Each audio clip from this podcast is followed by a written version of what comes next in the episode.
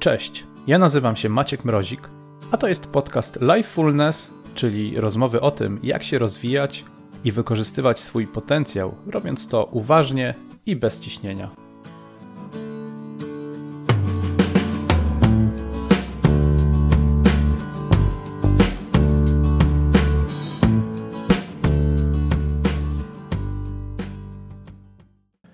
W dzisiejszym odcinku podejmujemy znowu temat mocnych stron, tylko tym razem troszkę z innej perspektywy, bo tej bardziej biznesowej.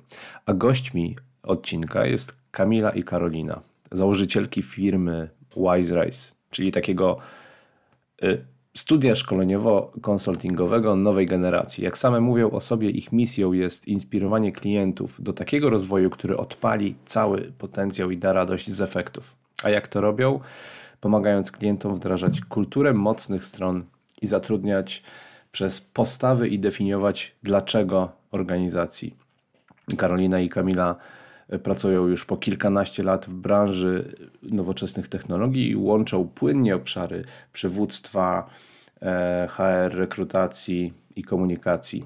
Prywatnie Kamila jest mamą dwóch fajnych chłopaków, fanką żużla i Teda Lasso. Swoją drogą bardzo polecam serial.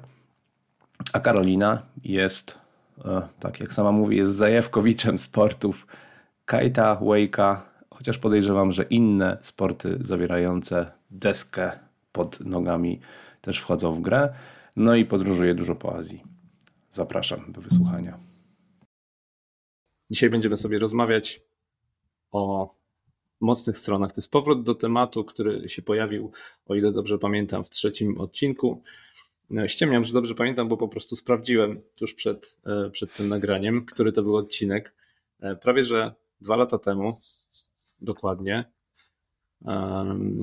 gdzieś tam to był marzec 2021 i wtedy się spotkaliśmy z Kamilą. E, chyba sporo się zmieniło od tamtego czasu u Kamili, bo kierunek nadal ten sam, nadal mocne strony, ale jest z nami też Karolina, która razem z Kamilą w tej chwili tworzy wspólnie firmę, biznes. E, obydwie jesteście trenerkami Galupa. I no właśnie, powiedzcie, bo ogólnie wasz, wasz biznes e, i dzisiaj w ogóle o tym będziemy rozmawiać. Zajmujecie się wspieraniem budowania kultury, która e, sprzyja dobrej jakości pracy, wydajności i samopoczuciu ludzi, ludzi, którzy pracują i wydaje mi się, że ta kolejność powinna być w ogóle odwrotna. Znaczy najpierw samopoczucie, a to wszystko inne przychodzi pewnie jako w pewnym sensie efekt uboczny. I dzisiaj trochę się na tym będziemy skupiać, jak, jak te mocne strony, e, czyli to, co Gallup oferuje, wykorzystać e, zarówno w biznesie, być może trochę do tworzenia, do, do budowania w sobie takiej odwagi do tworzenia tego biznesu własnego, bo to jest to coś, co wy zrobiłyście pracując przez długi czas w tak zwanej korporacji, ale przy taki moment, że, że po prostu poszłyście na tak zwane swoje. I ten temat też mnie bardzo interesuje, jak to się odbyło i skąd ta odwaga się wzięła, bo to Pamiętam, że Kamila się zbierała do tego, ale e, no coś tam musiało zaskoczyć w pewnym momencie. Mhm.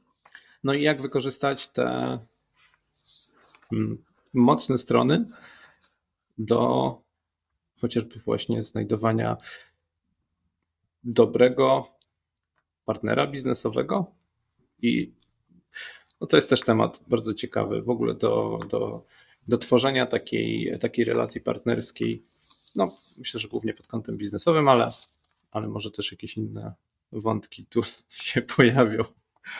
Dobrze. E, Dzięki Maćku. Miło mi, tak, miło Cześć. mi Was Dziękuję. powitać tutaj. Mm, to możecie Cześć. mnie od razu sprostować, czy dobrze w ogóle powiedziałem o tym, czym się zajmujecie i jak to wygląda. Mhm. Ja się tak próbuję, spróbuję tutaj uaktywnić na początek, bo wywołałeś mnie, więc pozwolę sobie. Faktycznie było to ponad dwa lata temu, bo mój syn ma dwa lata teraz, a wtedy pamiętam, że jeszcze go nie było, więc to było już ponad dwa lata. I to jest bardzo ciekawy moment, dlatego że wtedy byłam na takim etapie, że pracowałam mocno ze swoimi talentami Galupa i to, co przyszło później, to było tylko właśnie tym użyciem ich już w działaniu, dlatego że e, już nie wróciłam na, do, do firmy na etat, założyłam swoją działalność i czując też, że nie jestem w stanie pracować sama, bo brakuje mi bardzo wielu tutaj zarówno też kompetencji, ale takiej pewności siebie, to finalnie jesteśmy we dwie, bo mam takie poczucie, że dzięki temu, że jesteśmy we dwie właśnie jest to w ogóle e, możliwe, nie? Także, także fajnie, że do tego, do tego nawiązałeś.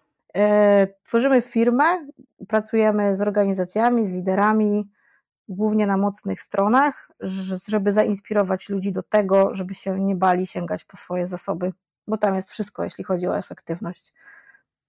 To tyle ode mnie wstępu. I w skrócie można powiedzieć, że e, w kontekście tej inspiracji to chcemy inspirować e, czy to naszych e, osoby indywidualne, z którymi pracujemy, czy naszych klientów do odpalenia ich pełnego potencjału.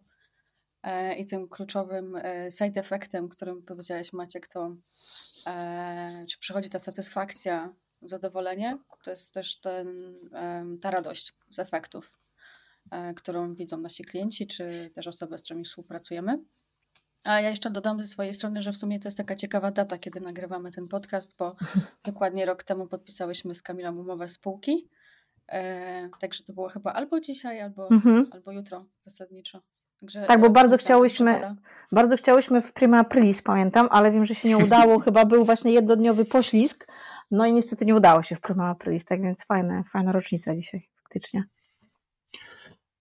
Okej, okay. jak e, z tego, co już zaobserwowałem, jak się was słucha, jak jesteście razem, to no oczywiście słychać, że jest to, to tak zwana chemia, po prostu się lubicie, ale y, o ile dobrze zrozumiałem, to to jest jakby jeden z elementów i wcale nie ten kluczowy, który pozwala wam właśnie pracować razem i robić to skutecznie, bo to jakby można mieć pewnie fajnego biznes partnera, z którym się, z którym się lubimy, ale wydaje mi się, że to nie jest wystarczające. Jak to w ogóle u Was wygląda, bo jest, jest jakieś tam drugie dno tutaj w tym temacie. Wiesz co, tym takim elementem rzeczywiście, który bardzo nam pomaga jest galup, e, bo patrząc na naszego galupa, to my z Kamilą się super uzupełniamy, chociaż tym mianownikiem dla nas wspólnym jest potrzeba sprawczości. E, ale my się w ogóle z Kamilą poznałyśmy jeszcze przed tworzeniem własnego biznesu poznałyśmy, poznałyśmy się w firmie, w której pracowałyśmy wspólnie nad projektami, między innymi właśnie nad projektem Hiring for Attitude, który też, yy, nad którym też często pracujemy. Yy, I właściwie to wydaje mi się, że chyba tam takie miałyśmy pierwsze dotarcia, pracując razem ze sobą i już tam się bardzo polubiłyśmy.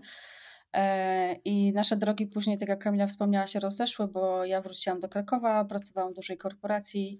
E, Kamila później też była na macierzyńskim, tak jak wspomniała. I te rozmowy się jakoś potoczyły właśnie wtedy, kiedy już Kamila pracowała na, swoją, na swojej działalności. Natomiast to, co chcę powiedzieć, to tym paliwem napędowym, które spowodowało, że my połączyłyśmy siły, e, co może zabawnie zabrzmi, jest frustracja, która potrafi być E, jak się okazuje, bardzo dobrym paliwem napędowym do działania i do, tego, do tej odwagi, o której wspomniałeś. Nie? Frustracja czym?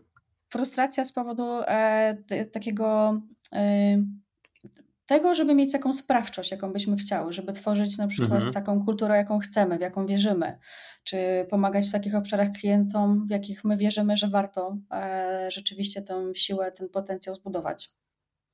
Myślę, że to, co mamy wspólne w naszych talentach e, z Karo w Galupie, to jest właśnie ta sprawczość, za którą idzie takie, że nie ma rzeczy niemożliwych, nie? Ale też bardzo duże poczucie sensu. Więc jak pracowałyśmy w różnych organizacjach, co jest zresztą naturalne dla większości organizacji, że nie wszędzie jakby jest taka uważność jeszcze przynajmniej na te zasoby, na to, jakim potencjałem kto pracuje.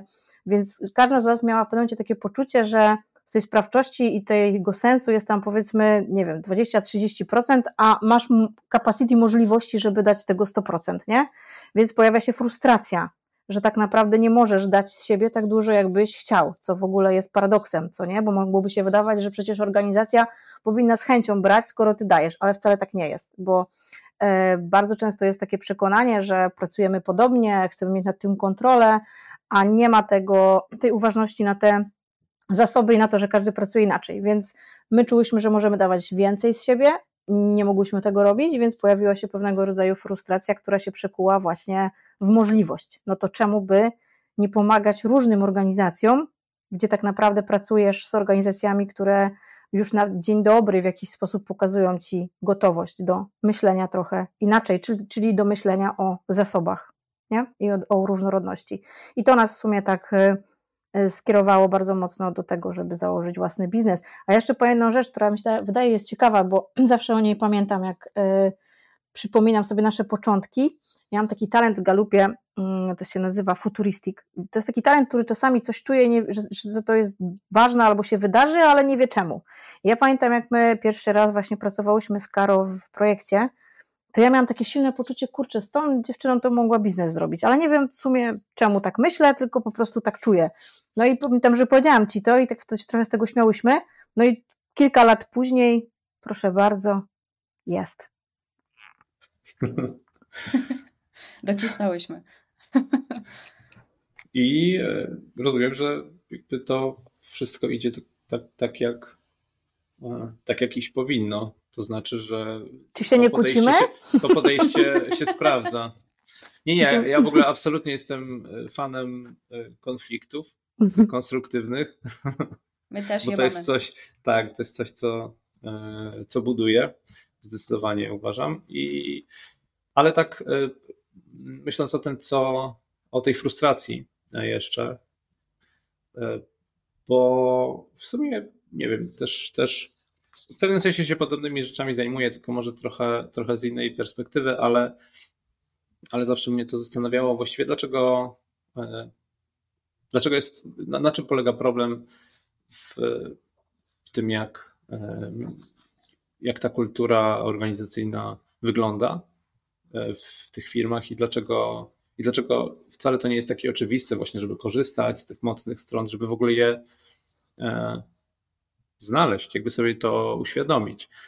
Taka ciekawostka, ja często jakby też nawiązuję w ogóle do tego tematu, do tematu Galupa w rozmowach z różnymi ludźmi z różnych firm i mało kto w ogóle słyszał o tym. To jest pierwsza rzecz w ogóle. A jak słyszał, to po prostu słyszał i, i tyle. Jakby nie spotkałem chyba jeszcze osoby, e, może jakby spoza, e, spoza mojej e, branży, tej zwinności, która by sobie robiła test w ogóle. Mm, więc jakby zawsze zachęcam do tego, żeby to robić. Natomiast nie wiem, czy na tym w ogóle polega problem, że ludzie nawet jakby nie znają tej, tej teorii, tej koncepcji, czy jeszcze mhm. coś innego. Czy ja myślę, że na szczęście to już staje się bardziej popularne w Polsce, ale fakt, faktem, że przychodzi to z organizacji tych, które są międzynarodowe, czyli gdzieś mają powiedzmy albo główne siedziby, albo, albo oddziały w krajach, gdzie podejście jest bardziej naturalne, ale to wynika z prostej, prostej przyczyny, że w ogóle um, użycie galupa efektywnie w organizacji jest trudne ze względu na nigdy nie wiem, jak słowem zastąpić słowo mindset, czyli takie nastawienie, nastawienie, które. Właśnie, nastawienie, które mamy od dawien dawna, jeśli chodzi o naszą kulturę w ogóle tutaj w kraju i naszą, nasz system edukacji, który sprawia, że jakby idziemy w stronę taką, że musimy uzupełniać braki, mapować to, co jest jeszcze do poprawy, performance review, wszystkie 360, co masz jeszcze do pracy, jakie aspekty musisz usprawnić, żeby wyrównać do jakiegoś poziomu.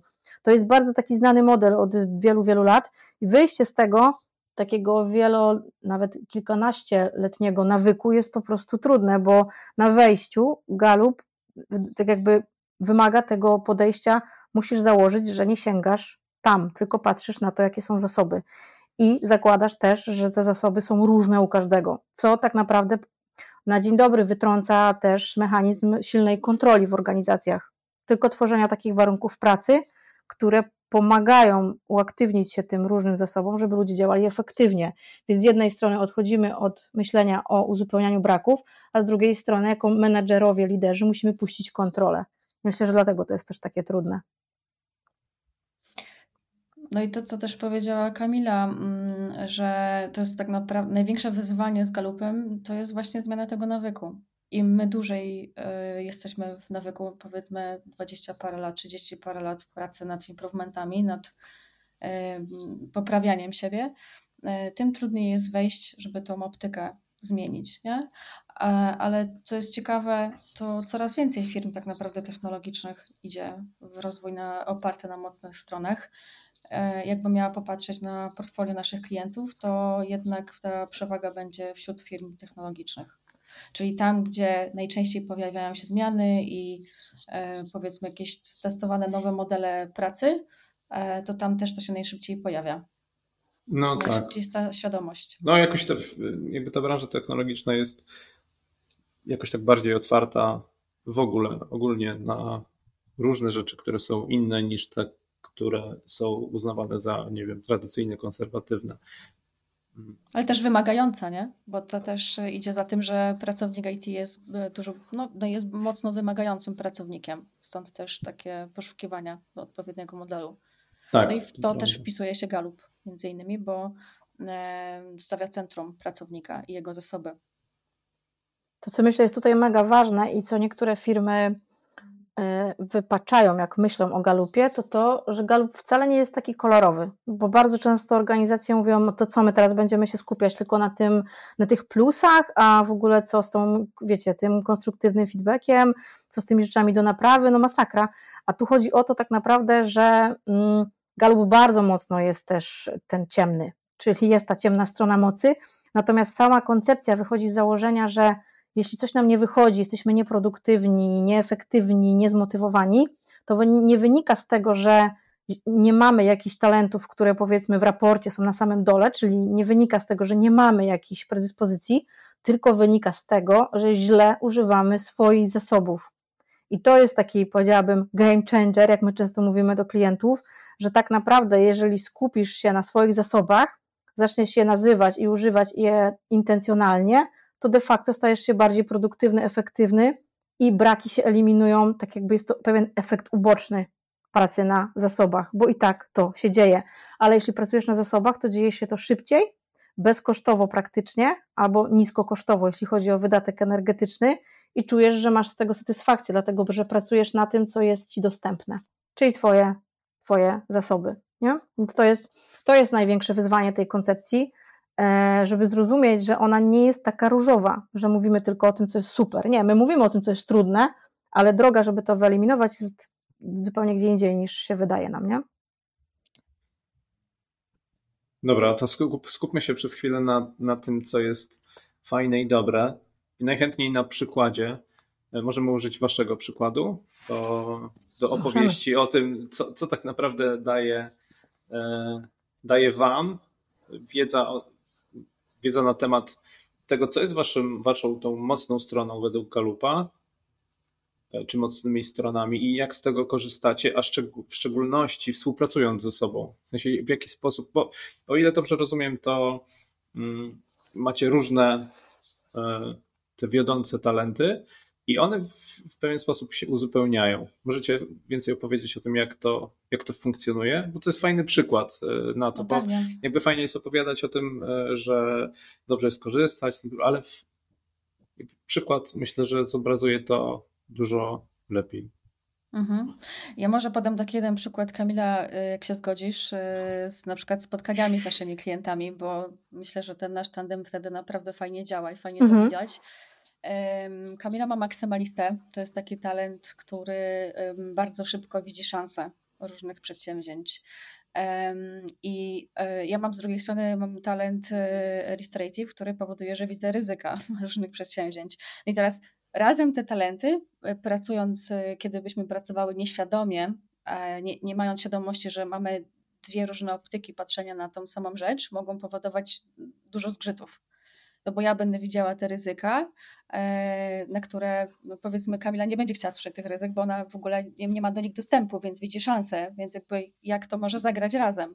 Natomiast kiedy jesteśmy świadome tego i pracujemy wspólnie z klientami, na przykład na spotkaniu, mm, to też to, to talenty mają szansę się uzupełniać bo ona może wzmocnić to, co jest wartościowe, co jest dobre, w co chce pójść klient, a ja mogę e, też zobaczyć to, co musimy zaadresować. Czyli na przykład, e, jak możemy zmitygować jakieś ryzyko, albo czego powinniśmy być świadomi. E, I te, te dwie perspektywy mogą się bardzo fajnie uzupełniać pod warunkiem, że jakby świadomie jesteśmy w stanie z tym pracować. Mhm. Znaczy to, ta tak. świadomość robi różnicę po prostu. Tak, zdecydowanie. To też jest tak na przykład w praktyce, że ja lubię z Kamilą razem, jak jesteśmy na spotkaniu z klientem, bo ona e, świetnie potrafi zadawać pytania e, i, e, i taki robić deep dive te pytania, pogłębiać je, a ja mam znowu talent ideation, więc ja bardzo szybko, jak słyszę ten kontekst od klienta, to bardzo szybko procesuję te dane i od razu przychodzą mi pomysły, jak zadresować różne wyzwania klienta. I to mhm. też może się uzupełniać, kiedy ja, ja jeden wątek łapię, ona pogłębia drugi, więc to też e, tak w praktyce e, dobrze nam działa. Mhm, mhm. Tak samo jeśli chodzi o uzupełnianie się talentów takich typowo z domeny działania, bo mm, obydwie mamy achievera. To jest taki talent, który przede wszystkim domyka wątki, więc my mamy bardzo wysoką skuteczność, jeśli chodzi o działanie. I dlaczego to jest ważne w przypadku naszego tandemu? dlatego że każda z nas dosyć wysoko stawia poprzeczkę, jeśli chodzi o efektywność.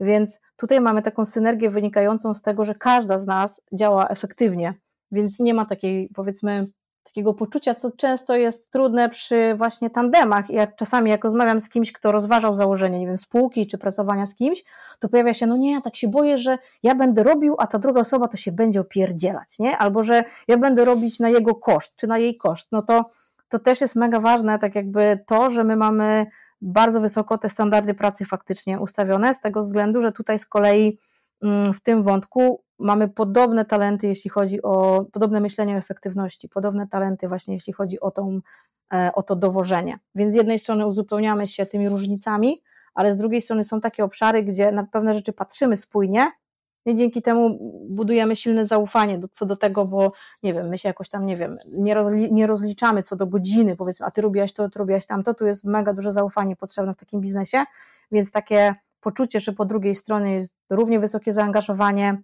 e, równie wysoka sprawczość i dowożenie, to też wynika z pewnych talentów, które tutaj w tym aspekcie, wydaje mi się, Karonie, mamy podobne. Tak. Zdecydowanie. No i też ciekawie, ciekawie działa u nas takie połączenie mojego aktywatora z Kamili Maksymalistą, bo ja jako aktywator, Maciek sam, sam masz aktywatora, to wiesz, lubię zaczynać, a Kamila lubi dopieszczać rzeczy i to też może fajnie zagrać w takim tandemie, że kiedy nawet się z czymś mierzymy, nie wiemy jak zacząć, to mam ten, ten wewnętrzna siła e, drive aktywatora pozwala rozpocząć, nawet jeśli nie jesteśmy pewni, czy pewne, czy tak powinno to być, akceptującą sporą dozę ryzyka, ale w trakcie jesteśmy w stanie po prostu tak y, też agile'owo, iteracyjnie dopieszczać dany produkt. Tak, dla mnie ten aktywator Karo Twój jest mega paliwem, dlatego że maksymalista ma coś takiego, że potrzebuje czuć, że to jest idealne. Więc ja czasami potrafię się naprawdę zablokować, e, zanim wystartuje coś, bo myślę sobie, że to jeszcze nie jest to. Natomiast dla Karoliny to jest zawsze ruszamy i później się zastanawiamy, więc jak to się połączy, to jest mega zwłaszcza, że obydwie dowozimy, więc startujemy, działamy i dowozimy, więc ta sprawczość i to efektywne działanie jest wtedy tak w pełni, e, w pełni zaprzężone. Natomiast tutaj ta świadomość, słowo świadomość jest tutaj kluczowa, bo tak naprawdę każdy z nas ma swoje talenty. I jak ktoś robi badanie Galupa, to czyta ten raport i pierwsza myśl bardzo często pojawia się taka, no co, przecież to jest o mnie, nic nowego nie odkryłem, ale bez sensu w ogóle, nic nowego się nie dowiedziałem. A tak naprawdę Galup nazywa to, co mamy, dzięki temu właśnie jak jesteśmy w działaniu, to możemy świadomie po to sięgać, bo jeżeli jesteśmy w działaniu, to nie myślimy tak bardzo o tym działaniu. Natomiast jeśli mamy to nazwane z poziomu talentów, to my na tym przykładowym tutaj spotkaniu z klientem, jak rozmawiamy, to my świadomie sięgamy po określone zasoby. Ja wiem, że nie muszę myśleć o ryzykach i się zmuszać do tego, bo to dla mnie jest ogromny wysiłek. Natomiast jeśli chodzi o myślenie o potencjale, możliwościach, ale też tego, co najlepszego ten klient z tego weźmie i najbardziej z tego korzysta, stricte idzie z maksymalisty, więc ja świadomie pracuję tym określonym zasobem. I to też jest tak, że w zależności od różnej sytuacji innymi zasobami pracujemy. Bo na przykład jak już mamy klienta i pracujemy z tym klientem długofalowo, to wtedy z kolei używam bardzo często mojego talentu relator, który oznacza bliskość i bardzo mocno oparty jest na zaufaniu i autentyczności. Dzięki temu jakby do współpracy długofalowej z klientem wnoszę takie, wiecie, as it is, czyli to, co jest, to nazywamy, jest na stole, niczego nie udajemy. Jeżeli coś się nie uda, to o tym mówimy, więc jakby tutaj pracuję innym zasobem i to o to w tym chodzi, nie? że jakby mam świadomość, więc sięgam po różne zasoby, no tak jak po narzędzia trochę, nie? Tak bym to mhm. nazwała. Ale to znaczy, że jakby świadomie używając konkretnego talentu, co to w praktyce oznacza? Weźmy ten, weźmy tego e, relatora, e, czyli, bo ja też go mam gdzieś tam w swoich top domenach. I, i co, to, co to dla ciebie oznacza, że świadomie, że co, że nie ma jakiegoś takiego mm, wchodzenia w, w rolę e, inną niż była niż, niż byś chciała e, w, nie wiem, w rozmowach, w, w kontaktach z klientami? Mhm, e, tak. Czy, czy po prostu czy zakładasz, że musisz być sobą, jakby, że musisz, e, nie wiem, dawać szczery komunikat, jakikolwiek on by nie był. I to jest budowanie, budowanie tej relacji opartej mhm. na, na takim szczerym przekazie, bez tak. owijania mhm. w bawełnę. To dokładnie, znaczy poszerzę to, ale też to, to o to chodzi, bo mm, jestem osobą bardzo mocno wizerunkową, patrząc na talenty Galupa. To jest moja pierwsza domena, domena wywierania wpływu, która jest domeną mocno wizerunkową. Natomiast moim mhm. talentem bardzo wysoko właśnie jest talent bliskość, czyli relator, co oznacza, że najwięcej jakby mm, tej jakby korzyści we współpracy z klientem jest z autentyczności i prawdy. Jeżeli ja na przykład w jakiś sposób będę chciała zadowolić klienta trochę na siłę, parę rzeczy przykryć, żeby on się nie stresował, nie denerwował, żeby o niego zadbać, to to w moim wydaniu będzie niestety bardzo nieefektywne, ponieważ będzie to nieautentyczne. Po prostu nie, bo wtedy próbuję pracować z zasobem, którego nie posiadam. Czyli na przykład e, jakimś zasobem bardzo mocno z innego, w ogóle z innej kategorii.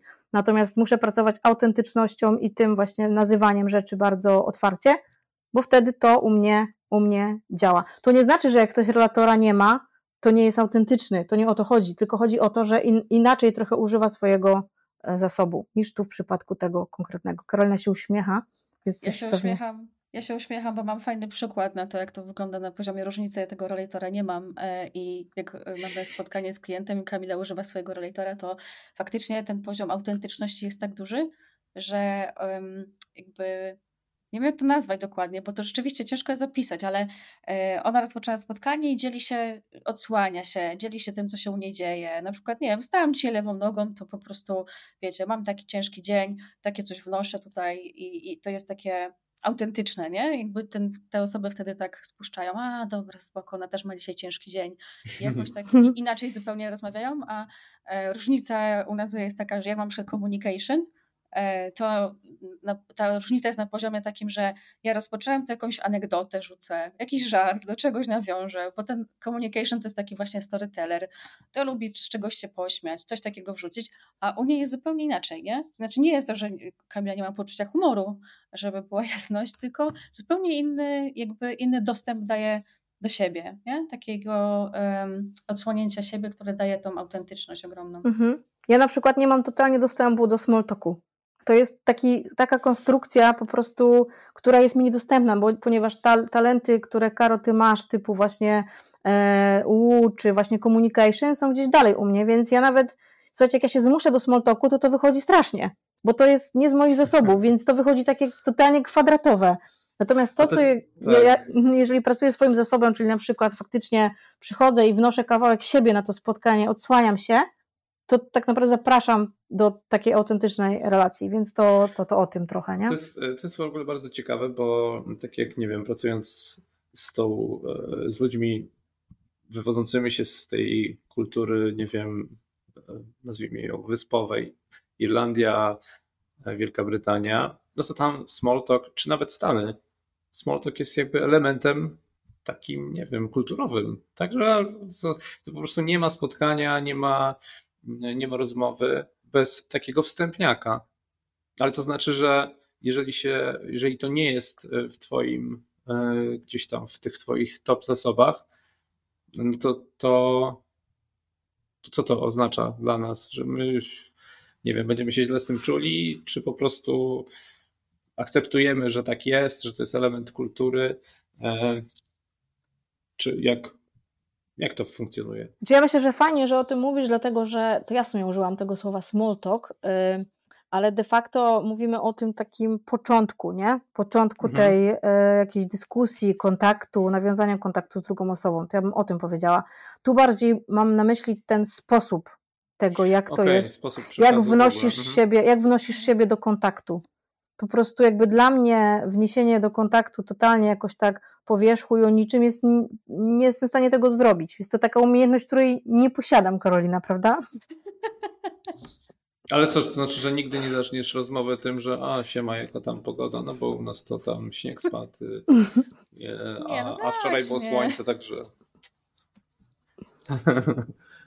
Czy to jest, no właśnie, bo tak szukam jakiegoś takiego odniesienia praktycznego, bo jak ja, nie wiem, na przykład myślę o tym i obserwuję, jakby myślę o, o rozmowach, które gdzieś tam miałem, spotkaniach różnych, to faktycznie może jedni ludzie bardziej wchodzą, e, nawet tym wstępniakiem, bardziej wchodzą w jakieś szczegóły, że a, bo tam moje dzieci są chore, tam mało spałem o. w nocy i w ogóle. A inni to po prostu powiedzą, no siema, siema, jak się masz? A, dobrze, tak, no pogoda fajna, dobra, no. No to co, tam jaki temat jest dzisiaj, nie? No i w zasadzie tyle. Jest, więc jednak chyba tam też czuć, czuć jakieś różnice. Tak, teraz mhm. Tutaj chodzi o to, co jest tym jakby, coś tobą kieruje. Jeżeli każdy, jakby każdy ma inne troszkę te zasoby. Jeżeli ja wchodzę do pierwszego kontaktu, to dla mnie kieruje mną jakby poczucie bliskości w jakiś sposób, tej bliskości, bo to wynika z tej potrzeby relatora. Jeżeli ktoś na przykład ma talent czarku, tak jak ty Karolina, to jakby w jakiś inny sposób powiesz, mam nadzieję, właśnie co tobą gdzieś tam kieruje w tym pierwszym kontakcie. I chodzi o to, że to są trochę inne potrzeby, które sobie zaspokajasz, no bo umówmy się, w kontakcie z drugą osobą zawsze są jakieś potrzeby. Nie wchodzisz w interakcję ani w dialog, bez poczucia jakiejś potrzeby, bo ludzie są naprawdę z natury biologii energooszczędni. Jeżeli w jakiś sposób wchodzą w kontakt, to coś tam się dzieje, jakaś reakcja, interakcja, sprzężenie zwrotne po coś. I Gallup mówi o tym, że każdy z nas, nawet najmniejszym ułamku tej interakcji, ma jakieś konkretne swoje potrzeby. No nie? I te potrzeby są po prostu różne. Na innych potrzebach pracuje każdy z nas. Możesz, Karo, podać, jak to u Ciebie wtedy tak, jest? Tak, dobrze, że to właśnie powiedziałaś, bo to jest tak, że u Ciebie tym motorem jest e, ta bliskość, nie? Jakby, która prowadzi do tej autentyczności, a na przykład u mnie, chociaż to łód trochę już mi wyleciało teraz poza dziesiątkę, ale to jest to, żeby skrócić dystans. Jak, jak najszybciej chcę skrócić ten dystans i przejść do takiej relacji, która pozwala mi też w taki sposób autentyczny rozmawiać z klientem, bo jakby no, te osoby, które mnie znają, wiedzą, że ja tak nie. nie ubieram w ładne słowa często, nie? Czasami za bardzo dosadnie też pojadę ze swoją komunikacją. E, I ja myślę, że to jest u mnie z tego, z tej potrzeby, żeby przełamać te pierwsze lody, żeby skrócić ten dystans, żeby już, wiesz, tak puścić to ciśnienie takich konwenansów i takiego politycznej poprawności, żebyśmy się ze sobą czuli swobodnie. To jest moja potrzeba, nie? Ja się chcę czuć swobodnie w komunikacji. Nie chcę się czuć, że jestem ograniczona, e, chociaż to jest, wiadomo, na początku trochę dosyć trudne. Stąd też e, myślę, że z tego mnie zasobu jest takie pójście w taką stronę. E, nie, nie mówię, że to jest że jakby small talk jest dla mnie taki bliski, bo sensum stricte small talk dla aktywatora to jest strata czasu totalna, nie? Mi się nie chce gadać o pogodzie z kimś, nie? Ale jeśli coś się fajnego wydarzyło wczoraj, nie wiem, e, DiCaprio dostał pierwszego Oscara, to ja szybko nawiążę do tego, żeby o czymś takim właśnie pogadać, co nam spowoduje zmiękczenie tej relacji. No więc właśnie nawet na etapie, przepraszam, nawet na etapie tego pierwszego kontaktu, tak jakby coś, co jest niby takim malutkim czymś, to jednak ta różnica w potrzebie jest, jest. I przez to, że ona jest, to działasz inaczej. Po prostu działasz inaczej. I jak wiesz, jak działasz, to oczywiście jest jakiś przykład, no to jakby świadomie działasz, a nie tak raczej dasz się nieść i w sumie myślisz sobie, a tak trochę mam. Bo często jest tak, że a tak trochę mam, taki jestem, nie? A to chodzi o to, że pracujesz konkretnymi zasobami. Jasne. E, dobrze. Ja bym chciał wrócić jeszcze do tematu pracy z z organizacjami, czy z liderami, z menadżerami, jakkolwiek tę grupę nazwiemy. Mm. Zastanawia mnie też, jak, jak, jakie najczęściej, bo, bo jakby powiedzieliśmy trochę o tym, że najtrudniej jest przełamać pewne nawyki, te nawyki myślenia, które po prostu są bardzo zakorzenione, bo długo trwają. Mhm. Jak jesteśmy przyzwyczajeni do, do jakiegoś sposobu pracy, działania, czy właśnie myślenia od x lat, to po prostu jakby im więcej tych, ten x y, y, wynosi, tym trudniej jest to zmienić. Ale jakie są jeszcze inne, jakie są jeszcze inne takie wyzwania lub nie wiem, przeszkody, które no wy pracując z ludźmi próbujecie przełamywać i jak to robicie? Hmm. Wiesz co, to co chyba, ja zacznę może od tego, że to, co najczęściej się pojawia jako jakaś pewna trudność i też wyzwanie, ale też taka potrzeba, żeby uświadamiać klientów, to jest to, że z braku tej wiedzy, wydaje mi się trochę, tym czym jest Galup i jak, co to daje i e, dlaczego warto w to narzędzie pójść, zainwestować długofalowo, a nie jako taki jednorazowe rozwiązanie, które Zróbmy nam zaadresuje. I tak, tak, i mamy związaną sprawę.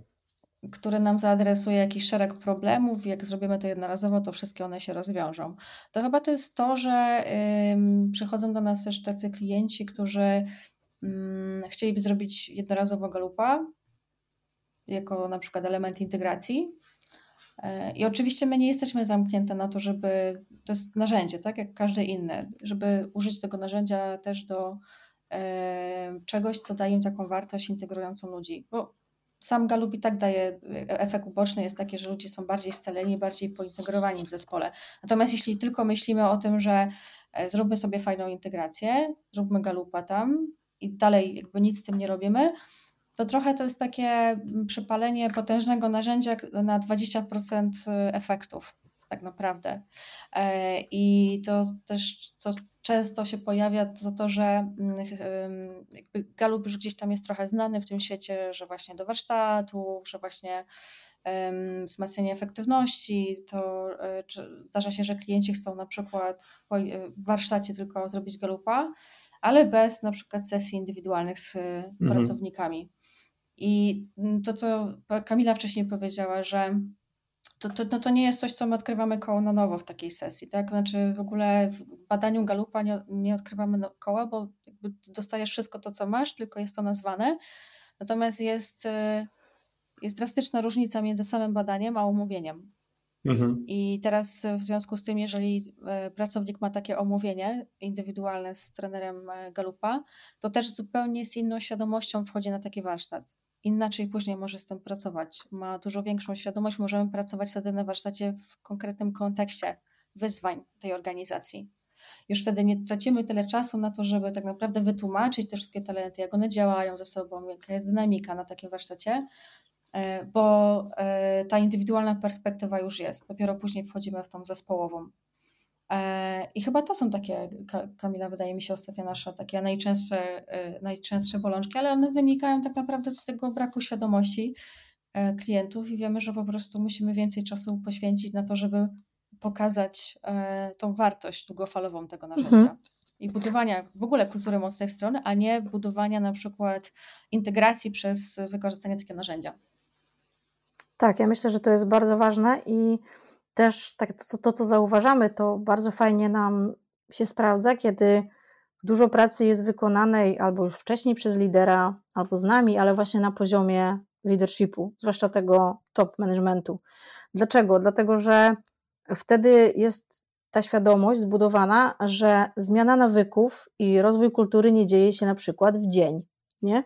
Albo nie dzieje się tym, że zrobisz sobie warsztat i cyk, w ogóle załatwione. No bo naprawdę zdarzają się tacy klienci, którzy w ten sposób myślą. Natomiast to jest praca na świadomości, to jest praca na wprowadzenie, wprowadzeniu konkretnych jakby narzędzi do organizacji też, takiej, które kontynuują tą pracę na mocnych stronach i to naprawdę wymaga też pewnego czasu, żeby to zrozumieć i dlatego jesteśmy, można powiedzieć, fankami tego, że jak zawsze rozmawiamy z klientem i klient jest powiedzmy sceptyczny albo ma bardzo dużo pytań, to zawsze mówimy, bo to z reguły jest osoba decyzyjna, drogi kliencie, nie kupuj wszystkiego, w ogóle nie kupuj, po prostu zacznij od siebie i poczuj to na własnej skórze, co to daje, jaką za tym idzie wartość i później iteracyjnie decyduj, bo tak naprawdę my w ogóle nie staramy się faktycznie namawiać organizacji na to, tylko budować tę świadomość i raczej inspirować, bo to jest ta nasza misja, e, poprzez małe kroki. Więc w ogóle sposób, jaki pracujemy z organizacjami, jest bardzo partnerski, bardzo taki iteracyjny, otwarty i bardzo elastyczny. Bo na przykład okazuje się, że klient się zapalił i on chce właśnie sesje, warsztaty i tak dalej. No teraz mam tego, takiego klienta, z którym pracujemy, który faktycznie tam chciał wykorzystać budżet, kupił wszystko, znaczy większość tych rzeczy. Natomiast w pracy z tymi liderami zaczyna się okazywać, że nie do końca adekwatne jest jeszcze zrobienie tych warsztatów z zespołami, ponieważ na poziomie managementu jest bardzo dużo pracy do wykonania. Więc my sugerujemy, żeby wtedy na przykład zamiast tych warsztatów z zespołem jednak zostać przy managemencie i tam zrobić kilka sesji na przykład coachingowych, żeby ci liderzy naprawdę poczuli, mimo że stricte nam się to mniej opłaca. Natomiast to jakby idzie za tym bardzo duży sens, bo na poziomie liderów buduje się ta świadomość. I wtedy, jak idziemy dalej, to to faktycznie ma dużo y, większy efekt, Karo, prawda, niż jak zaczynamy na przykład od zespołów, a idziemy w górę. Zdecydowanie dlatego, że liderzy mają e, największe zasięgi rażenia na organizację. To, jak pracownik dzisiaj się czuje e, w organizacji, jest w dużej mierze determinowane przez to, jak pracuje z nim lider. E, dlatego, kiedy zaczynamy od góry, od liderów, to też większy jest też buy po prostu pracowników. Jeśli widzą, że sami liderzy nad tym pracują i rozwijają się, widzą tego namacalne efekty, to łatwiej później nawet jest to zakorzenić na poziomie już pracowników samych. Myślę, że to jest efekt mm, znalezienia tych, tych silnych change agentów, agentów zmiany, no, agentów zmiany. Mhm. e, którzy, którzy po prostu wspierają zmianę, no bo mówimy zawsze e, przy takich operacjach, działaniach, to jest po prostu zmiana.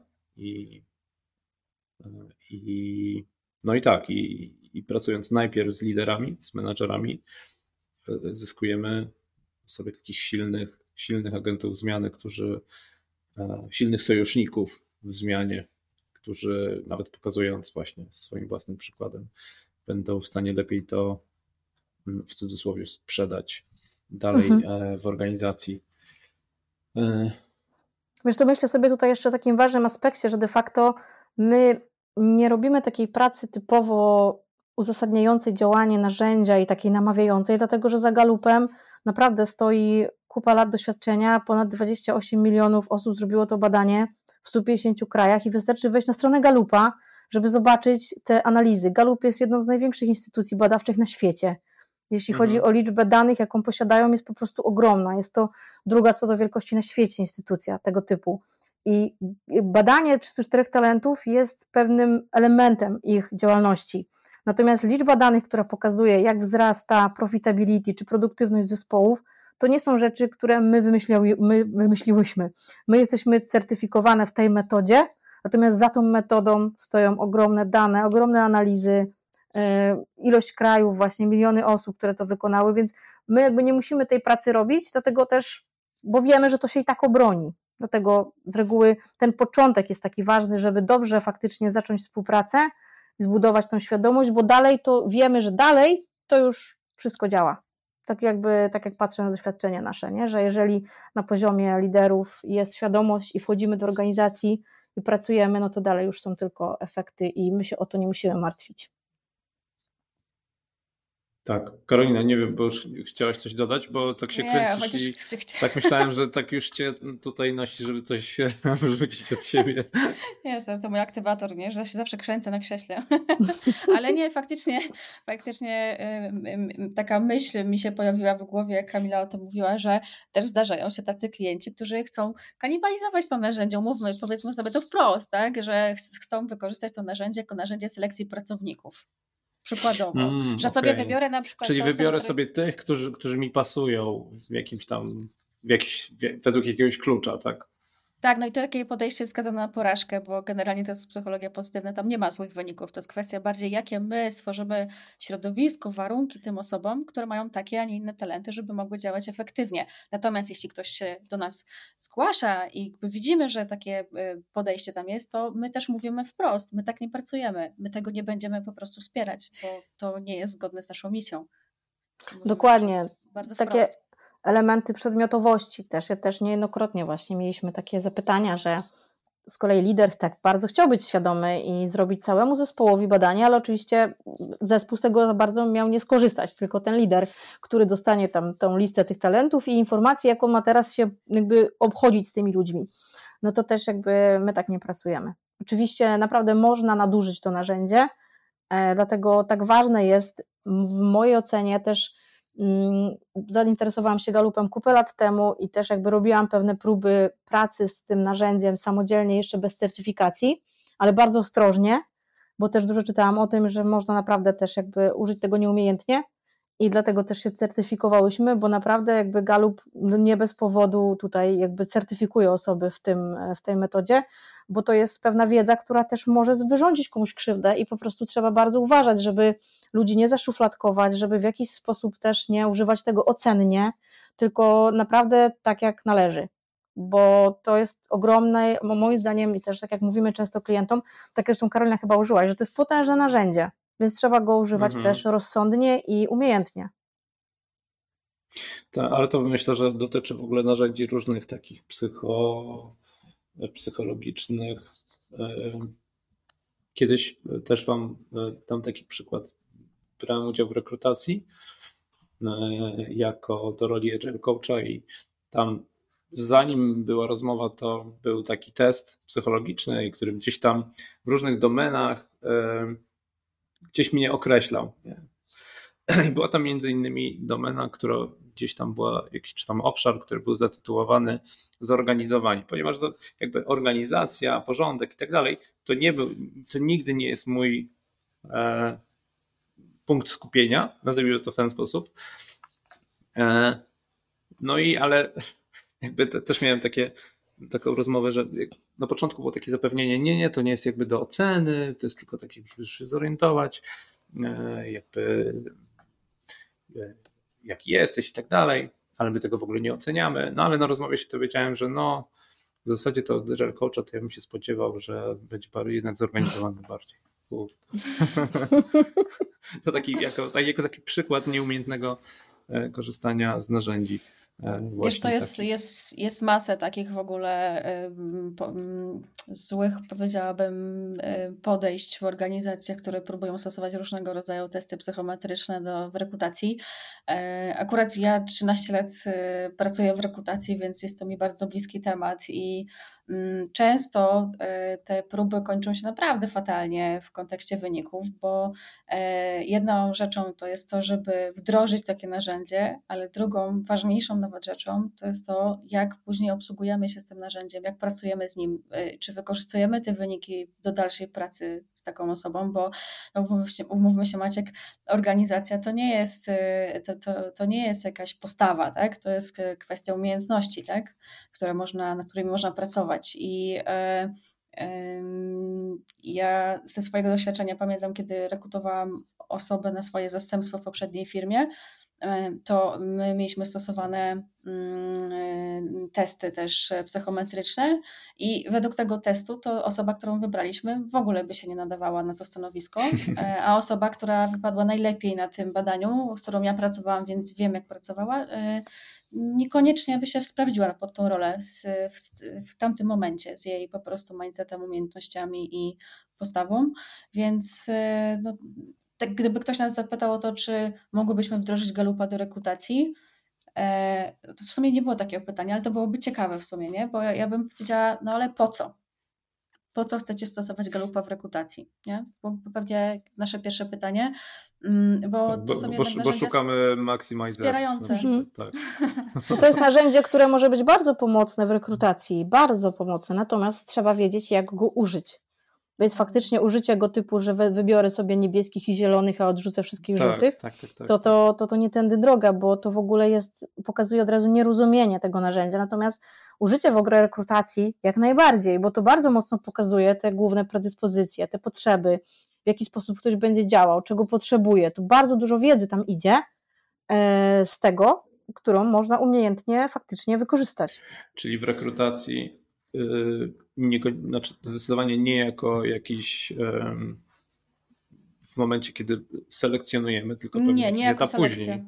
Mhm. Tylko etap Wiesz, później bym strzelał Wiesz co, wiem, raczej jak... jako narzędzie selekcji bym tego nie użyła, no bo tutaj tak naprawdę nie ma co na czym selekcji tej e, robić, nie? Natomiast e, są firmy, które używają to narzędzie na etapie onboardingu. No właśnie. No, no, no, na no. etapie onboardingu, jakie ktoś ma zasoby i e, Facebook tak chociażby robi. Dopasowuje później stanowisko, czy tworzy takie warunki, żeby te talenty mogły lepiej działać tej osoby. To wtedy mhm. tak. Poza tym Galup bardzo mocno jest właśnie o tych potrzebach, czyli załóżmy, że mam omówienie z kimś, kto faktycznie na samym końcu ma tą domenę egzekucji, no to bardzo często ta osoba na początku zadaje mi pytanie, Jezu, to ja w ogóle nie dowożę, masakra w ogóle, to jest tak, mówi, że ja nie dowożę. A tak naprawdę Galup to, to nie o tym mówi, tak samo jest z domeną relacji. Ja na przykład mam w Galupie dosyć daleko domenę budowania relacji. Można by pomyśleć, to co, ty nie budujesz relacji, relacje nie są dla ciebie ważne. Takie są pierwsze myśli, natomiast to w ogóle nie jest o tym. Galup pokazuje pewną konstrukcję twoich potrzeb, czyli w jakiej kolejności, czego potrzebujesz, żeby działać efektywnie. Jeżeli na przykład masz faktycznie domenę e, egzekucji dosyć daleko, a po drodze są takie talenty, jak, że jak masz domenę egzekucji, domenę egzekucji, jeśli masz daleko, natomiast po drodze są inne domeny, na przykład domena strategiczna albo domena budowania relacji, to są tam konkretne potrzeby nazwane. Jeżeli one są spełnione, czyli warunki, w jakich pracujesz, pozwalają ci na przykład przygotować się do działania, przemyśleć działanie, strzelam, tak? Albo rozumieć, z kim pracujesz, to wychodzisz, wchodzisz na bardzo wysoką efektywność.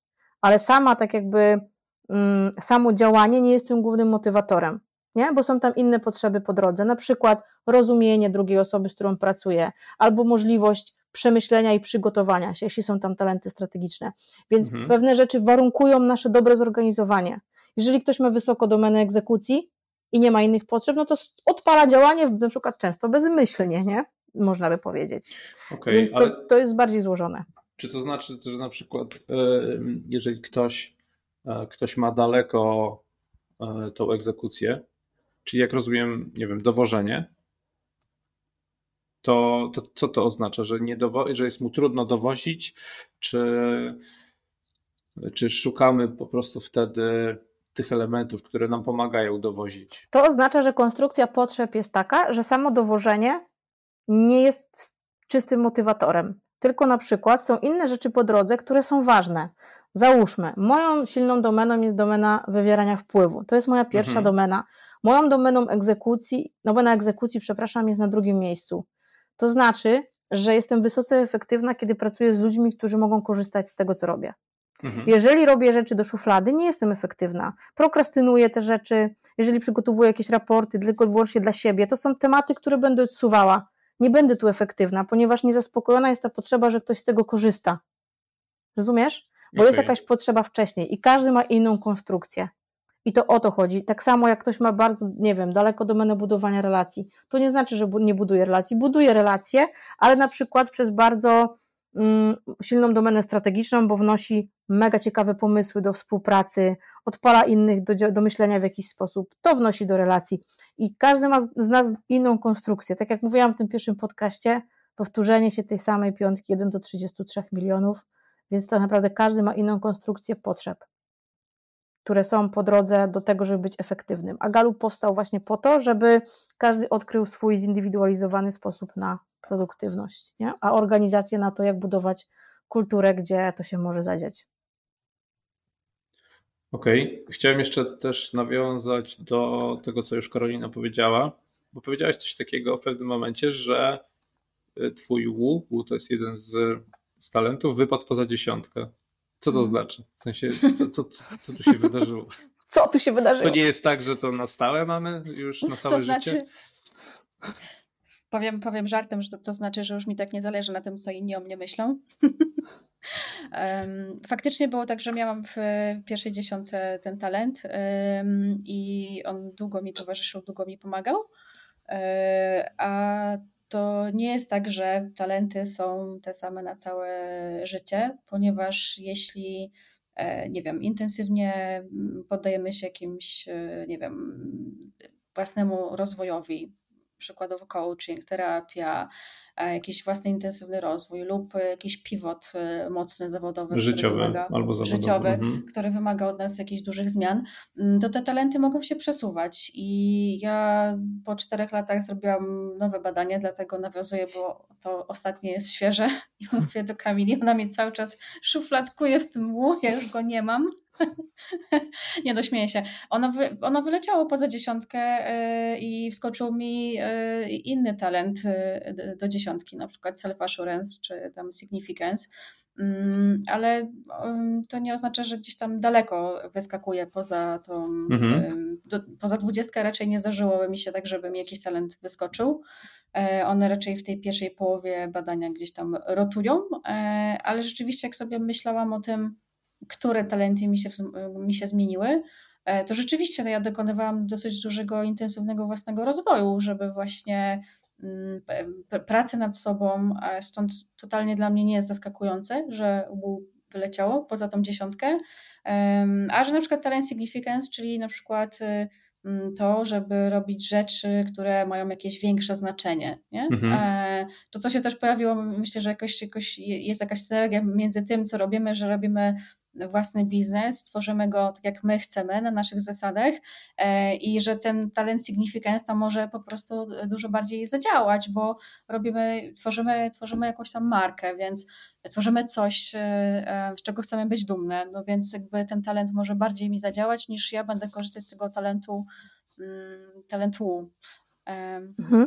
no bazujecie też na misji jakiejś, wizji. Tak. Znaczy, ma, macie jakąś misję określoną, wiecie co, co chcecie zmieniać, na co chcecie wpływać, to jakby też to doskonale rozumiem. Zresztą Don Clifton, e, który stworzył to badanie, miał na pierwszym miejscu ten talent significant, także cię śmieję się, że bieg, biegniemy, biegniemy za nim, ale faktycznie tak jest, że jak coś tworzymy, to chcemy, żeby to, bo Kamila też ma ten talent, chcemy, żeby to było jakoś w jakiś sposób unikatowe, nietuzinkowe, inne niż wszyscy, bo chcemy być z tego po prostu rozpoznawalne, że to jest takie e, stworzone przez nas, że to jest nasze dziecko i e, w, jakiś, w jakiś, na, na jakichś naszych e, zasadach, że to, w co wierzymy, to wysokie poczucie sensu, o którym powiedziała Kamila, to jest bardzo duży nasz mianownik, nie? Także ja też mam podobnie, że jakby to było coś robione, robione dla nie wiem, glorii i chwały, ale nie miałoby większego sensu, z tego by nikt nie korzystał, to tam byśmy raczej nie poszły. Mhm. Ja też jeszcze odniosę się do tej zmiany tych talentów, bo też robiłam galupa dwa razy i też tak obserwuję, jak pracujemy z klientami, bo przychodzą do nas osoby, które na przykład miały 5 lat temu, 6 lat temu, wykonują ponownie badanie i to, co faktycznie ja obserwuję, bo Galup mówi o tym, że te zmiany nie są diametralne. I faktycznie tak jest. Te przesunięcia nie są jakieś drastyczne w ramach tych talentów, ale też obserwuję coś takiego, bo Galup ma, tak jak mówi, mówiliśmy w tym pierwszym podcaście, kilka domen tych talentów, czyli domeny działania, budowania relacji, strategiczne myślenie i wywieranie wpływu. To nawet jak się zmieniają te talenty, to obserwuję coś takiego, że te główne trzony motywacyjne się nie zmieniają. Co to znaczy? Jeżeli na przykład ty, Karo tutaj podała ten przykład, że Wu zniknęło powiedzmy dalej, ale pojawił się talent self-assurance wyżej. To oznacza, to są dwa talenty z domeny wywierania wpływu, natomiast one się troszkę czymś różnią, czyli talent Wu potrzebuje powiedzmy więcej potwierdzenia z otoczenia, że coś jest wartościowe i ważne, a talent self-assurance potrzebuje tego z wewnątrz. Czyli jakby pewien akcent tego oddziaływania wpływu się zmienia, ale to jest też ta sama domena. Ja na przykład jak zrobiłam badanie, to adaptability talent, który odznacza się silną taką, silnym reagowaniem na potrzeby innych osób w momencie, kiedy oni przychodzą do mnie z tymi potrzebami, co oznacza się też niską asertywnością. Ten talent miałam w pierwszej dziesiątce, on mi wyleciał poza dziesiątkę, natomiast bardzo wysoko mam talent relator, który w relacji potrzebuje być prawdziwy, autentyczny, i tyle. I na swoich zasadach. Więc jak widzisz, to są te same domeny, ale akcent tego, co, co jest tutaj ważne, troszkę się zmienia i faktycznie w miarę, ja to nazywam dojrzewania, takiego już w byciu dorosłym, mam wrażenie, że zmieniają się te akcenty, co jest dla nas istotne. Ja tak u siebie to określam, że to jest kurczę, że dojrzewam, nie? że te talenty faktycznie trochę inaczej się u mnie kształtują, ale też nabierają innego, no innej dynamiki w tym konkretnym u mnie wydaniu, nie? bo tam powiedzmy miałam jakieś, jakieś, jakieś wyzwania. Więc zmienia się, ale z tego, co, co widzimy, to, to nie na poziomie tych głównych trzonów motywacyjnych i mo tych potrzeb, nie? Mhm. A to, ale jak bo... zapytasz... Mhm. No, no, no, proszę. Jak zapytasz Maciek, jak często warto robić, powtarzać badanie, to, to raczej powiedziałabym, że nie częściej niż 3 lata. Jeśli jest taka tak. pokusa, że żeby zrobić badanie za pół roku, żeby sprawdzić, to raczej nie przewiduję tam większych różnic. Obstawiałbym, że to też warto samemu sobie wyważyć, patrząc na przebieg swojego, swojego życia, swojej historii. Znaczy, tak jak nie wiem, Dokładnie. E, w waszym przypadku w międzyczasie się sporo wy, wydarzyło przez ostatnie 2-3 lata. Może to tak by wskazywało na to, że tak, że może to jest dobry moment, żeby tak zweryfikować, jak to wygląda. Mm, ale też chciałem dopytać do tego, znowu do tego, co Karolina tu powiedziałaś, o tym, że mm, bardzo intensywnie się rozwijałaś i jakby spodziewałaś się, że to się zmieni, ale czy to był rozwój nastawiony, jakby taki świadomie nastawiony na e, rozwijanie pewnych talentów, żeby je e, wykorzystywać lepiej, czy, czy po prostu bardzo jestem ciekaw, jak to. Mhm. Wiesz co, y, to nie był rozwój nastawiony, jeśli o to pytasz, czy ja konkretnie sobie upatrzyłam, że chcę mieć te talenty, żeby one mhm. wskoczyły tam do dziesiątki i będę pracowała na nich. Nigdy się na tym nie skupiałam. Y, skupiałam się na tym, żeby z talentami z mojej dziesiątki pracować i jak najlepiej je wykorzystywać, bo to ma największy sens. Mhm. Y, natomiast rozwój, jaki ja miałam, był bardzo mocno związany z takim moim rozwojem wewnętrznym mhm. wzmacnianiem siebie. E, czyli niekoniecznie w ogóle biznesowy, ale w ogóle wewnętrzny, wzmacnianie swojej asertywności, granic e, i, i, też e, tego typu obszary.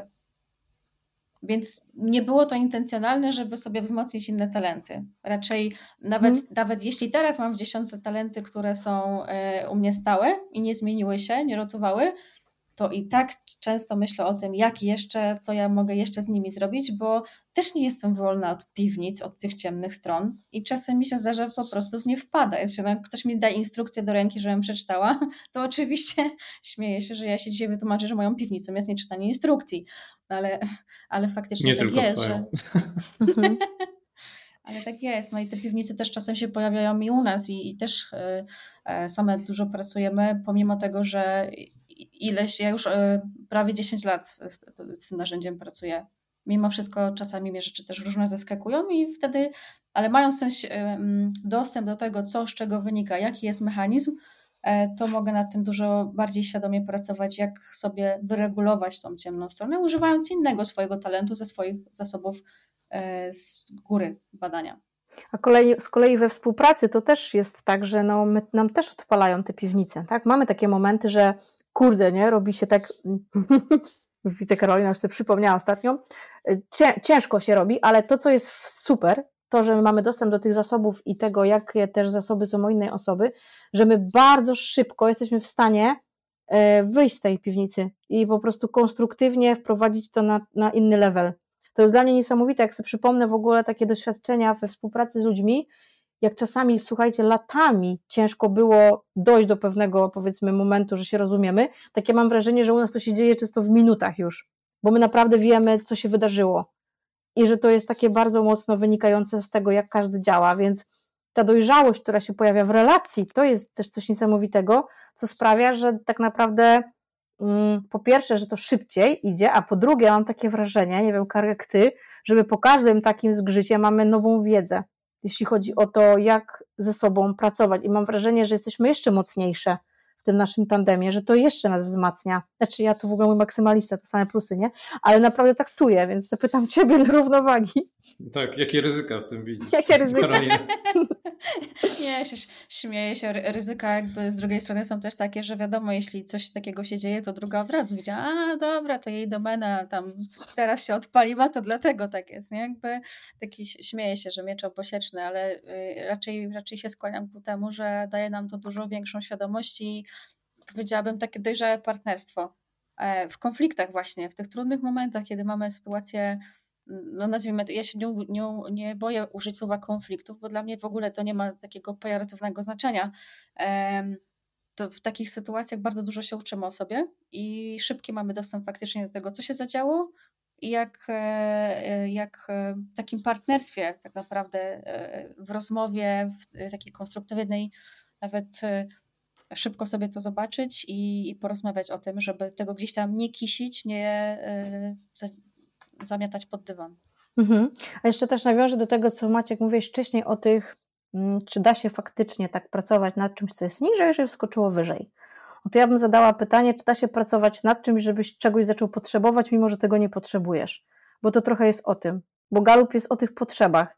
Jeżeli czegoś potrzebujesz, to potrzebujesz. Nie dasz sobie, nie możesz sobie wyćwiczyć, że od jutra będę potrzebował tego. No bo to jest po prostu niemożliwe, nie? A galup jest o potrzebach. Czego ja potrzebuję, żeby działać efektywnie? Jeżeli potrzebuję, powiedzmy, nie wiem, akceptacji, wpływu i tam jakichś innych rzeczy, to tego potrzebuję. I teraz uczę się z tą potrzebą pracować dojrzale, żeby to wyrządzało mi dużo pożytku, to tak się wyrażę, i innym, e, niż szkody. I używam tego talentu. To, że się powiedzmy później, po jakichś kilku latach coś zmienia, to nie wynika z tego, że ja na siłę zmieniałem swoją potrzebę, tylko że po prostu bardzo elastycznie robiłem różne rzeczy, rozwijałem się i tak naprawdę nie wiesz, co jest tą wypadkową, nie wiesz, czy cokolwiek ci się zmieni. Nie? To jest taka, taka duża, duża loteria, na co ten akcent powiedzmy zaczynasz kłaść inaczej, ale faktycznie po kilku latach Galu pozwala ci zobaczyć, czego potrzebujesz teraz, czy to się zmieniło, bo tam jest faktycznie o tym informacja, ale takiego intencjonalnego pracowania nad wyrobieniem sobie, wiecie, zmuszeniem się do czegoś, no to, to, to nie do końca, mhm. znaczy to w ogóle nie jest możliwe. Mhm, mhm. Czyli to bardziej wynika z sytuacji różnych życiowych wydarzeń, które wpływają na Twoje, nie wiem, postrzeganie e, świata, tego jak funkcjonujesz. Mhm, Czyli pewnie jakieś takie większe, większe zmiany. E, patrzę na czas, a chciałem jeszcze temat poruszyć e, związany z tą ciemną stroną. No, bo już parę razy padło, że no, Galup to nie jest taki taki różowy, że tam też jest ta ciemna strona, coś trochę mówiłyście o piwnicy. Więc co macie na myśli, kiedy mówicie o tej ciemnej stronie? To mówiąc o tej ciemnej stronie, bo Galup nazywa to the balcony in the basement, nie? Balkony i piwnice. Balkony, czyli tam, mhm. gdzie jest jasno, przyjemnie, słonecznie, piwnice, gdzie jest wilgotno, nieprzyjemnie, śmierdzi. Um, tak umownie to nazwijmy na potrzeby wytłumaczenia to te ciemne strony talentów e, to są wtedy, kiedy nadużywamy e, danego talentu albo go źle używamy. Mhm. E, przykładem aktywatora, kiedy aktywator działa dojrzale, czyli z tej ciemnej, z tej, z tej jasnej strony, to jest to, że potrafi zmobilizować innych do działania, że katalizuje, jest takim, powiedziałabym, taką elektrownią po prostu energii do działania, do tego, żeby wystartować. Natomiast ciemną stroną aktywatora mówię też tutaj o sobie, jest niecierpliwość, żeby zacząć. Jest to, że potrafię sforsować innych, żeby, żeby odpalić działania, nie upewniając się na przykład, czy mam do tego wszystkie dane, czy nie upewniając się do tego mam narzędzia, czyli innymi słowy, aktywator może skoczyć na głęboką wodę, nie, nie upewniając bez, się, bez że, umie, że umie pływać, nie? Tak.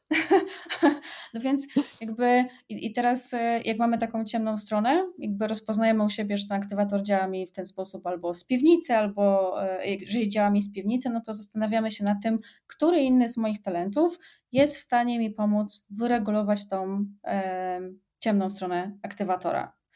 Przykładowo, jeśli mam strategię, mam input w domenie strategicznego myślenia, to jeśli świadomie zacznę używać tych talentów, żeby czy zadawać pytania odpowiednie, czy budować sobie bazę wiedzy, bazę narzędzi, zanim rozpocznę działania, to one mi pomagają właśnie uspokoić trochę tego mojego aktywatora, mm, żeby nie zacząć y, za wcześnie, żeby nie zrobić fal startu. Mhm. Mam nadzieję, że to jest jasne, jak, jak wytłumaczyłam. Teraz trochę mhm. jaśniejsze. Mogę dać jeszcze inny przykład z tego mojego Dawaj. maksymalisty. Mhm. Maksymalista to jest taki talent, który dopieszcza. Znaczy dopieszcza, bardzo mocno dopieszcza i zawsze widzi potencjał i właśnie zawsze widzi możliwości, zawsze widzi te jasne strony. Karolina się uśmiecha. E, no oczywiście wyzwaniem jego jest to, że dopieszcza rzeczy, których nawet nie musi dopieszczać, czyli bardzo długo, jakby wszystko musi być idealne, nie jest w stanie wartościować, że coś już jest ok, nie, nie potrafi postawić tej wagi. No nie widzi też ryzyk, tak? Nie jest w stanie zobaczyć, że coś się nie uda, no bo dla maksymalisty wszystko jest możliwe. E, bardzo rzadko też może zobaczyć minusy w jakimś działaniu, przedsięwzięciu, tak? Bo zawsze skupia się na tym, co działa. Ale z drugiej strony ja mam arrangera, który jest też bardzo wysoko. To jest talent z domeny skutecznego działania, który tak potrafię organizować zasoby ku największej skuteczności. Więc ja potrafię z arrangera sobie zadawać, za, za, zadawać sobie pytania, czego ja potrzebuję, żeby zadziałać efektywniej. I czasami pojawia się odpowiedź, która mi równoważy tego maksymalistę, bo pojawia się odpowiedź, że mi czegoś brakuje.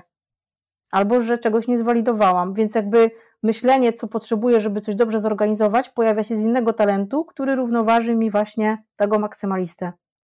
Więc to jakby bardzo ważne jest, żeby wiedzieć, gdzie szukać, a kiedy już nie znajduję, to znajduję u kogoś.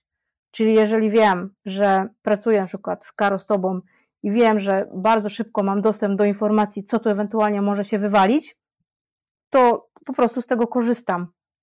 Kiedyś, kiedy, nie znając, że to są powiedzmy talenty, gdy ktoś mając restorative, czyli ten talent, który widzi ryzyka wysoko, zaczął do mnie mówić, to ja pierwsze co broniłam swojego pomysłu, bo mi się wydawało, że po prostu ten ktoś jest dziwny. Natomiast wiedząc, że to jest zasób, którego ja nie posiadam, a z reguły na to, czego nie mamy, to się, wiecie, usztywniamy i mhm. odpychamy, wiedząc, że to jest zasób, którego ja nie posiadam, no to uczę się z tego korzystać, bo wiem, że to dla mnie jest dobre.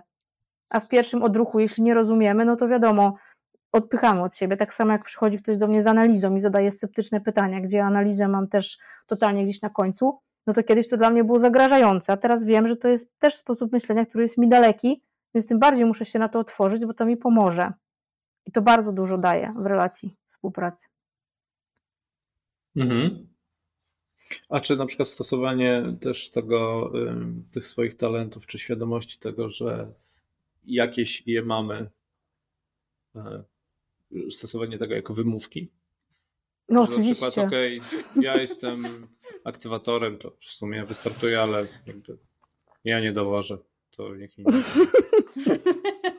jakby pracą niech się zajmą inni. Ja, ja rzucę pomysł, ja wystartuję, ja powiem tak, dobra, róbcie. Tak może być. Robią. Tak może być, ale uczymy naszych klientów i siebie, żeby faktycznie jakby inaczej z tego korzystać, bo to wiecie tak jak ze wszystkim. Trochę tak jak z tymi wszystkimi rzeczami rozwojowymi, no nie? Ja teraz się nauczyłam rozumieć emocje, więc ja rozumiem emocje, a ty nie. Co nie? Na przykład w jakimś tam podejściu. Teraz mam domenę wpływu, więc ja wpływam, ale nie realizuję, nie? Więc to, to oczywiście jak najbardziej. Natomiast ta praca właśnie z mm, galupem polega jednak na tym, że to jest sposób na produktywność i efektywność więc mhm. finalnie rozmawiamy o tym, jak masz być efektywny, jak masz dowozić, jak masz działać skutecznie. To jest, o tym rozmawiamy. I szukamy tego sposobu, jaka to jest droga, czyli odkrywamy taką indywidualną drogę do tego, więc nie ma miejsca na tego typu Mhm. Ale umówmy się, w relacjach prywatnych czasami lubimy sobie nadużywać same. Ja na przykład często mówię taką wymówkę, że ja nie czytam instrukcji, po prostu mi się mózg tam po prostu, wiecie, gotuje, jak ja mam jakąś instrukcję przeczytać. Więc jak w domu usłyszę, żebym przeczytała instrukcję do pralki, to mam takie, działa, to działa. Po co czytać instrukcję, nie? No więc tak mówię trochę w formie, w formie, w formie żartu, że, że czasami mamy tą skłonność jednak, żeby to tak wytłumaczyć, mm, ale w pełni się w pełni się podpisuję pod tym, co Kamila mówi. I z tym, że na przykład u mnie jest tak, że mam domenę wywierania wpływu i strategiczną na górze. E, I miałam e, przykład e, na sobie, to poczułam dokładnie, kiedy przeszłam z takiej roli, kiedy pracowałam bardzo mocno przy strategii, przy koncepcyjnej pracy i przeszłam bardzo mocno w operacyjną robotę, gdzie do tego, do tego koncepcyjnego myślenia, do tego wywierania wpływu na to, jak jakiś produkt będzie od zera tak naprawdę stworzony, nie miałam, więc ta moja motywacja po prostu leciała totalnie w dół, nie? Bo nie mogłam tak naprawdę używać tych swoich e, głównych, dominujących talentów, mm, a musiałam bardziej, e, właściwie 99% czasu pracować w tych talentach e, z egzekucji, która u mnie jest mm, ostatnia, nie? Czy przedostatnia. Natomiast z drugiej strony, bo tak odniosę się do ciebie, jeśli pozwolisz, Karonie, z drugiej strony, jak faktycznie pracujemy razem i ty masz możliwość używać talentów strategicznych i talentów z domeny wywierania wpływu, to ta skuteczność i efektywność jest na turbo wysokim poziomie. Także czasami ja mam wrażenie, że nie nadążam, czasami zdarza się tak, bo, a mimo, że moja domena egzekucji jest wyżej, więc to tak naprawdę nie musi tak być. To nie musi tak być. Wystarczy, że są spełnione właśnie te potrzeby jeśli ty potrzebujesz działać tak, że używasz talentów strategicznych, wywierania wpływu, to ta egzekucja potrafi szaleć, ale ona sama w sobie nie jest tym głównym motywatorem. Ale się dzieje. Po prostu się dzieje, nie? to jak Kamila powiedziała, to, to jakby u mnie nie będzie motywatorem to, żeby po prostu działać dla działania, czy ja nie będę motywowana po to, żeby po prostu biegać staczką cały czas i być w, cały czas w, w, działaniu, ale jeśli widzę większy sens i tam mogę jeszcze włożyć część jakiegoś e, większej, nie wiem, strategicznego myślenia, koncepcji, tam będzie sprawczość, to ja będę tak po prostu skuteczna i tak będę działała, że nic mnie nie zatrzyma, nie? Potwierdzam. No, mam, mam to samo, mam to samo dokładnie. Bardzo trudno jest mi e, coś zdziałać, coś zrobić, jak w sumie nie wierzę albo nie widzę e, tego sensu. Gdzieś tam nie, nie widzę, że to co, to, co ja mam, mam robić, że, że to będzie w ogóle miało jakiś wpływ na cokolwiek. Także to tak, e, w pełni się pod tym podpisuję. Okej, okay. nadal patrzę na czas. E, już się zbliżamy do tego terminu naszego timeboxu. E, czy coś na zakończenie chciałybyście dodać? Jedną rzecz. Moglibyśmy bo... nagrać drugi odcinek, bo Dobra. mam wrażenie, że tematów jest w ogóle bardzo dużo i że to można mhm. naprawdę drążyć, drążyć, pogadać na przykładach. Miałem nie pytać w ogóle o kwestie związane z Galup, a relacje. A o to chciałem koniecznie zapytać, więc może to dzielny odcinek. Tym, zrobić coś o, o tym wykorzystaniu w e, takich niezawodowych sytuacjach i musimy wtedy NDA, NDA jakieś podpisać z naszymi partnerami. Znaczy wszyscy, a NDA z partnerami i wszyscy, którzy będą słuchać, też będą musieli NDA. E, no tak. Co byście mm, na zakończenie? Coś byście ja miałam tylko taką, ta, taką myśl trochę oderwaną, ale faktycznie zdarzyło nam się w ostatnimi czasy pracować sporo z ludźmi młodymi i mam cały czas taką myśl, że kurczę, ci ludzie naprawdę, jak się z nimi rozmawia, to oni myślą, że większości rzeczy naprawdę nie mają, że tego im brakuje, tego im brakuje, tego im brakuje. I jak zaczynają myśleć o tym swoich predyspozycjach, zachowaniach jako zasobach, takie, takie, taka, takie, taka myśl, żeby kurde, kiedyś u nas naprawdę to było takie obowiązkowe wszędzie, w każdej firmie, w każdej organizacji, na każdej uczelni, na każdej uczelni, a jeszcze w ogóle w każdej szkole średniej, to myślę sobie, żebyśmy mieli szczęśliwszych ludzi w ogóle i więcej hmm. takich organizacji, które naprawdę już już na etapie, że ci ludzie przychodzą, to już umieją pracować w oparciu o te mocne strony, nie? No, to, by było no to, tak jak, to tak jak mówiłyście na początku, że w zasadzie jesteśmy do tego szykowani do takiego życia, e, że tak powiem, wszyscy w szeregu, wszyscy równani do, do, do jednej linii.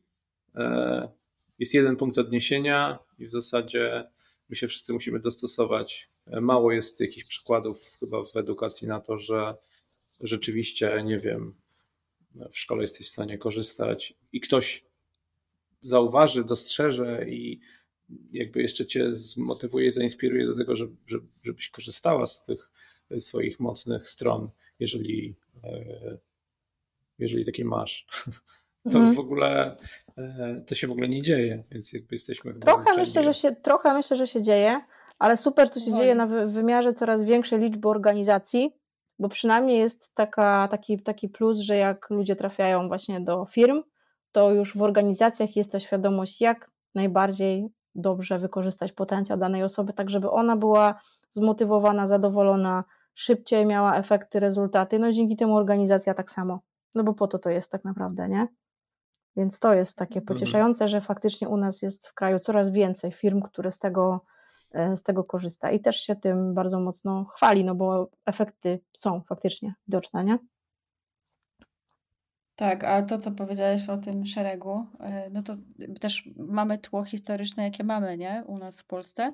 Natomiast też e, w systemie edukacji powoli zaczynają się pojawiać jakieś e, różne takie inicjatywy, gdzie szkoły demokratyczne czy powstają, czy szkoła w chmurze, która na przykład też korzysta z Galupa, z tego co, co mi wiadomo.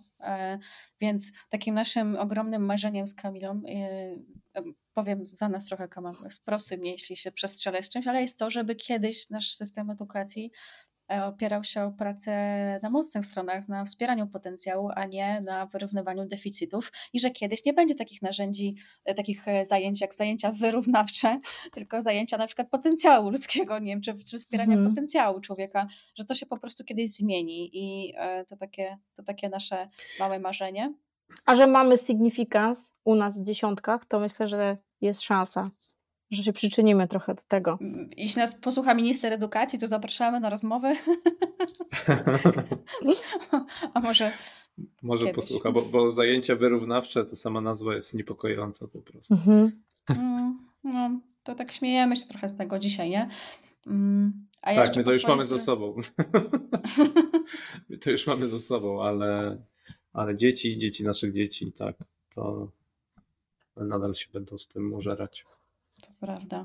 No a ja ze swojej strony chciałam dodać yy, tylko tyle, że tak jak dzisiaj rozmawiałyśmy o tych e, tandemach biznesowych, jak nam dobrze sprawdza się w takim tandemie biznesowym Galup, jak nam to sprzyja w takiej produktywności, wzajemnym zrozumieniu się lepszym i, i partnerstwie, tak też e, do tego tematu, co powiedziałaś Maciek, żeby kiedyś dotknąć tematów relacyjnych, tematów par, to też takie coś nam się pojawia i może to kiedyś faktycznie jest na jakiś osobny wątek, bo zdarzają nam się tacy klienci, którzy chcą w parze sobie zrobić, nie? Zaczynałam tak, mhm. że robiłam na przykład galupa dla y, wspólników, którzy razem prowadzą biznes. Im się to tak spodobało, bo też to narzędzie im bardzo pomogło y, lepiej siebie rozumieć, że później zaprosili swoje partnerki do tego, bo chcieli mieć też y, rozeznanie, jak mogą wzajemnie się uzupełniać i gdzie się na przykład wzajemnie ścierają. Więc to też i z autopsji, bo mówię, ale też na swoim przykładzie ze swoim partnerem, ale też z tego, jak pracujemy z klientami, że może kiedyś na walentynki, nie wiem, Maciek, Mhm. jak, jak galupa dla pary wykorzystać. Ja mam jeszcze jedną taką myśl do tego, Karo, właśnie co ty mówisz, ale to jest efekt tego mojego, słuchajcie, dojrzewania, o którym ja mówię, nie? że naprawdę mam takie wrażenie, że szkoda czasu, żeby nie znać tych zasobów. Naprawdę, bo to jest taki game changer, tak wiele upraszcza, tak wiele zmienia w życiu w ogóle, w poczuciu szczęścia, radości, zadowolenia, że ja tak sobie myślę, jednak to jedno jest to życie, wiem, że teraz zabrzmi filozoficznie, że po prostu szkoda tego nie zrobić. Mam takie wrażenie, że no, jak ktoś tego nie chce zrobić, to ja mam takie kurde, nie? że to musisz. Mój maksymalista wtedy nie odpuszcza, ale z tego względu nie, że chcę coś sprzedać, tylko żeby pokazać, jaka z tego jest wartość, że nie posiadanie tego dostępu do tego, co to są za zasoby, jak z nich korzystać, po prostu jest dużą stratą. Jest mhm. dużą, moim zdaniem, stratą, nie? Taką i no szkoda. tak, jak, e, tak jak na początku mówiłyście, że czasami jak się patrzy na swój raport, y, to się tak myśli, a no, no tak, to, jest, to jestem ja, przecież ja wiem, ale hmm. to, że sobie to nazwiemy i, i, i jest to w taki ustrukturyzowany sposób pokazane, e, w ogóle z instrukcją obsługi, jeszcze jak sobie zrobi się do tego e, taki coaching, czy po prostu pogada się z e, trenerem o, o tym, co, co z tego wynika, no to jest, to jest różnica, to robi różnicę, bo nie zawsze to, co, to, co wiemy, e, jesteśmy w stanie z tego skutecznie korzystać. Dobrze, bardzo dziękuję Amen. Wam za dzisiaj i my również. Dziękuję. I naprawdę mam nadzieję, że Dzięki, to nie Maćku. ostatni raz. Dzięki Maćku. Dzięki Wam Dziękujemy bardzo. za zaproszenie. Dzięki za wysłuchanie tego odcinka i jak zwykle, jeżeli się podobało, to zachęcam do subskrybowania, lajkowania, bo to naprawdę pomaga mi zwiększyć zasięgi. Jeżeli natomiast się nie podobało, to zachęcam do konstruktywnej krytyki w komentarzach albo w bezpośredniej wiadomości. Do usłyszenia.